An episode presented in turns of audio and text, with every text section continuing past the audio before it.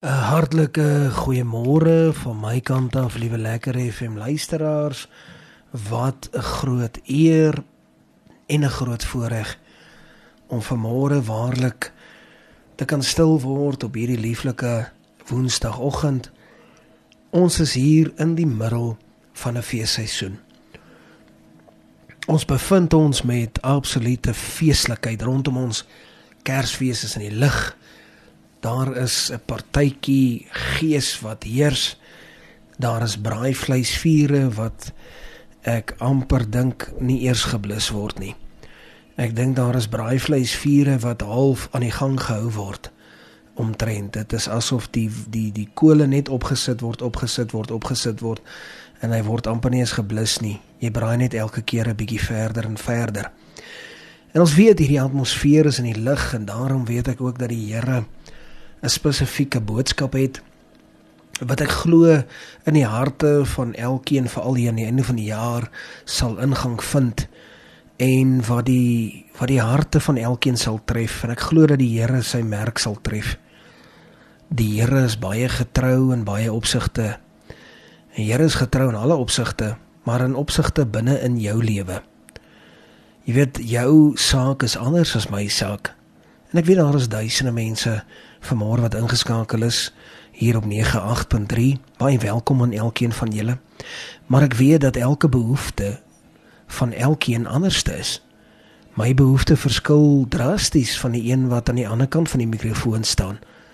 Maar dat die Here ook 'n goue aar trek en dat ons juis half in 'n 'n gesamentlike scenario onsself bevind wat die konsep van bitterheid aanbetref.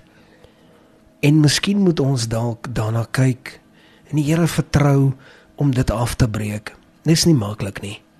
Dis nie maklik nie en jy sal onthou gister spesifiek het ek gepraat rondom die gedagte van dat bitterheid 'n wille perd is. Bitterheid is 'n wille perd wat as jy hom loslaat in jou lewe, as jy hom los, as hy los rondhardloop in jou lewe, dan het hy die potensiaal om baie skade aan te rig. 'n Wille perd het menige mense al bitter seer gemaak.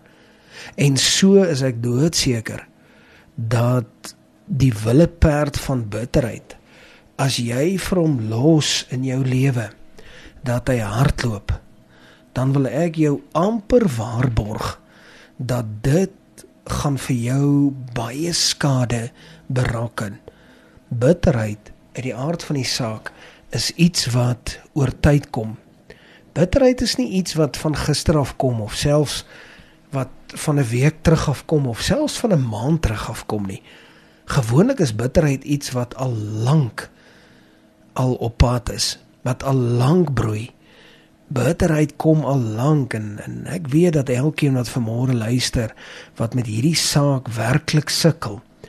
En ek wil jou sê dat dat ek staan eerste in die ry. Ek weet, ek weet ons almal staan in hierdie ry en dit is belangrik dat ons hierdie saak beveg, dat ons die vyand beveg.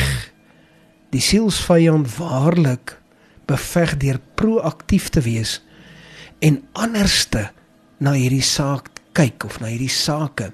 Dit wat ons hart uitmekaar het ruk dalk oor 'n lang tyd. En miskien het jy baie bewyse tot dit. Jy sê dalk vir my, weet jy wat? Jong uh, eh, JP, ek het so baie bewyse. As ek vir jou die bewyse moet kom lewer van hoe bitterheid my kom verander het, hoe bitterheid die bewyse van die bitterheid dat ek bitter mag wees. Dan gaan jy vir my dalk 'n ellelange lys gee. Jy gaan vir my dalk 'n 5 bladsy lys kan gee. En ek gaan as ek dit saam met jou deurlees, gaan ek besef inderdaad jy het gronde tot bitterheid. Maar dis verwoestend tot jou siel en jou menswees want dit sluk jou in. Dit sluk vir jou in.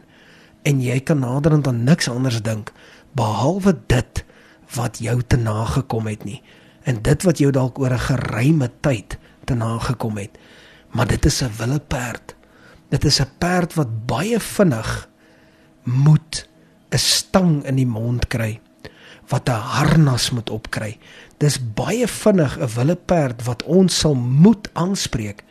Anders kan hy jou vir dood agterlaat. Maar kom ons sit net so. Dan sluit ons die oë, dan bid ons saam. Hemelse Vader, dankie vir die woord. Dankie dat ons weet dat U hierdie saak in ons harte kom aanraak, dat U dit kom aanspreek op 'n wyse wat ons self dit nie eens verwag nie. U is groot, U is getrou. En daarom vra ek dat U op 'n kosbare wyse vir ons sal help. Dit bid ek in die naam van Jesus. Amen. En amen. Ek sal onthou ek het so 'n bietjie net jou gedagtes verfris ook gister en begin vir my om dit vandag weer te doen. Ons weet dat dat daar daagliks baie maklik tussen 200 en 500 nuwe intekenare en nuwe luisteraars is.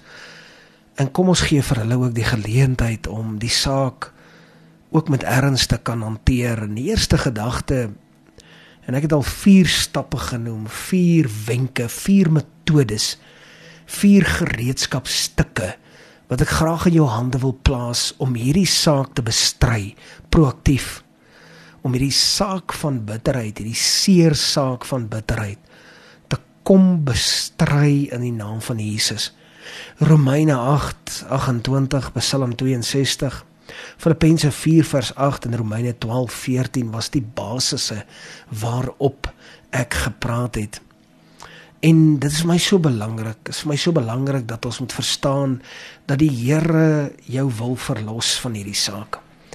En dat dit eintlik maar die sielsvyand is wat jou lewe wil insluk, wat jou omstandighede gebruik en jou verlede gebruik om om 'n oorhand te kry. Ek wil amper so ver gaan as om te sê, jy weet dit is amper soos 'n skaakspel en en jy kan naderhand niks meer doen nie want jy's vas. As jy die kant toe beweeg, is jy vas, as jy vorentoe beweeg, is jy vas, agtertoe, regs, enige kant toe. Dit voel vir jou jy's vasgedraai. En dit is hoe die vyand werk en en daar is praktiese maniere wat ek glo die Here vir ons daar stel om te help om om vanuit hierdie saak uit as 'n oorwinnaar uit te kom. En dis nie maklik nie, liewe lekker FM vriende. Ek weet presies. Ek is eerste, onthou ek sê dit nou elke dag.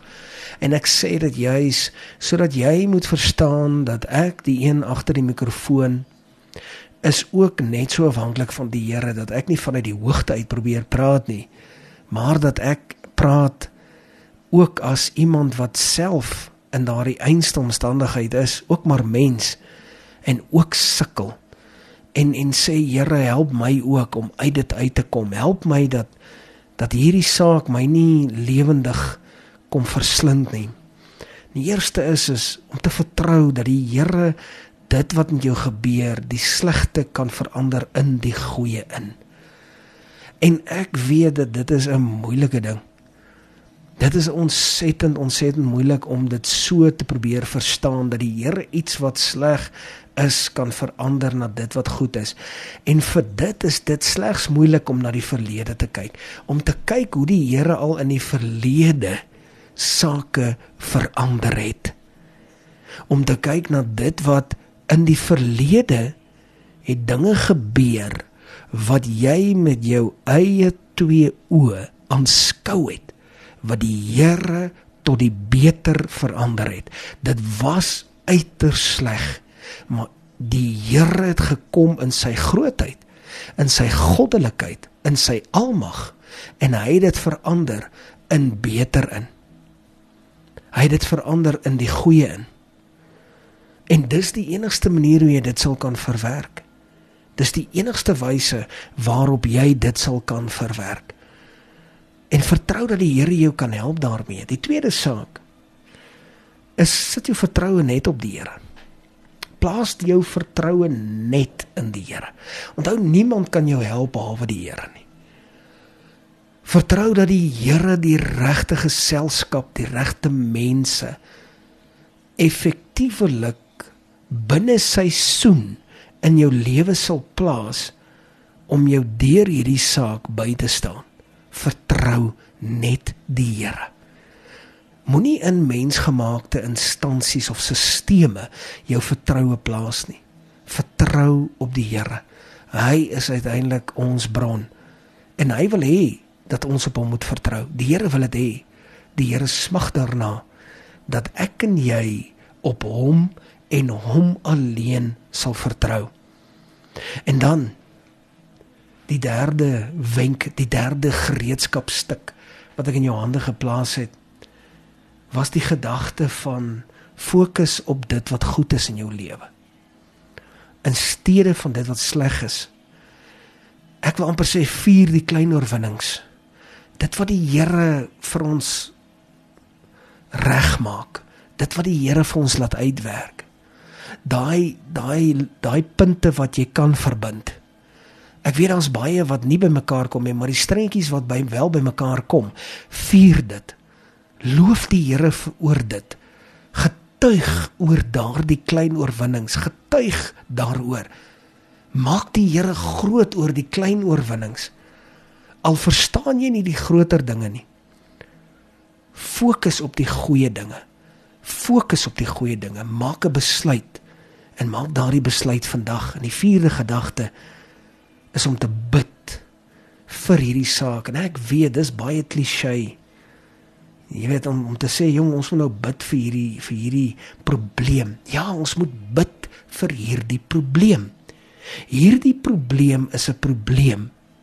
En ons moet hierdie saak voor die voete van die Here kom plaas en ons moet sê laat U wil geskied, Here. Laat U wil geskied en vandag vergun vir my om vir jou 'n vyfde gereedskapstuk in jou hande te plaas 1 Petrus 5:8 tot 9 Moenie laat die vyand jou afbreek nie. Moenie toelaat dat die vyand jou kom afbreek nie. Onthou, die sielsvyand het 'n het 'n werk om te doen. Hy het 'n hy het 'n sekere pligstaat. Op sy pligstaat staan geskrywe: breek die kinders van die Here af. Maak hulle seer. Loop rond soos 'n brullende leeu. Kyk waar kan jy byt? Waar kan jy verskeer? Waar kan jy ruk en pluk? Waar kan jy hape uitruk? Waar kan jy skade bring? Waar kan jy omstamp? Waar kan jy mors? Dis die pligstaat van die duiwel. Dit moet ek en jy weet. Maar dis ons werk om proaktief te wees. Jy weet die die die woord is vir my so alomskrywend. Proaktief. Jy weet as 'n mens proaktief verstaan, dan verstaan jy dit beter as jy kyk na hoe gewapende reaksie werk, jou sekuriteit, ADT werk op hulle is gewapende reaksie. Hulle is reaktief. Jy moet proaktief wees. Jy moet weet dat dit is wat die vyand gaan doen, maar jy moet dit nie toelaat nie, want jy moet weet dit is sy pligstaat. Hy is die aanklaer, maar die Here is jou advokaat by ons hemelse Vader. Hy is die aanklaer en sy aanklag staan. Hy sal vir jou aankla dat jy so skuldig voel dat jy voel jy moet 5000 jaar in die tronk gaan sit. So sleg is jy. Maar die Here kom en sê wag 'n bietjie deur my bloed is jy verlos. Jy wat vandag hier luister, deur die bloed van Jesus Christus elke druppel wat gestort is deur die bloed, deur die bloed van die lam is jy verlos. En dit is 'n goeie en 'n effektiewe teenvoeter teen daardie bitterheid. Kom ons sit net so. Dan sluit ons die oë, dan bid ons saam. Hemelse Vader, dankie vir u woord. Dankie dat u woord vir ons help. Dat u woord ons harte kom verkoop. En dat u woord ons kom verander. En u woord het dit weer gedoen vandag. Dankie vir u woord. Dankie vir hierdie praktiese stappe. Dankie Here dat u dit vir ons gee. Dankie dat ons in wysheid daarna kan luister. En Here, help ons vandag. En seën ons in Jesus naam in reg en in ruil. Sê ons vir u dankie in Jesus naam. Amen. En amen.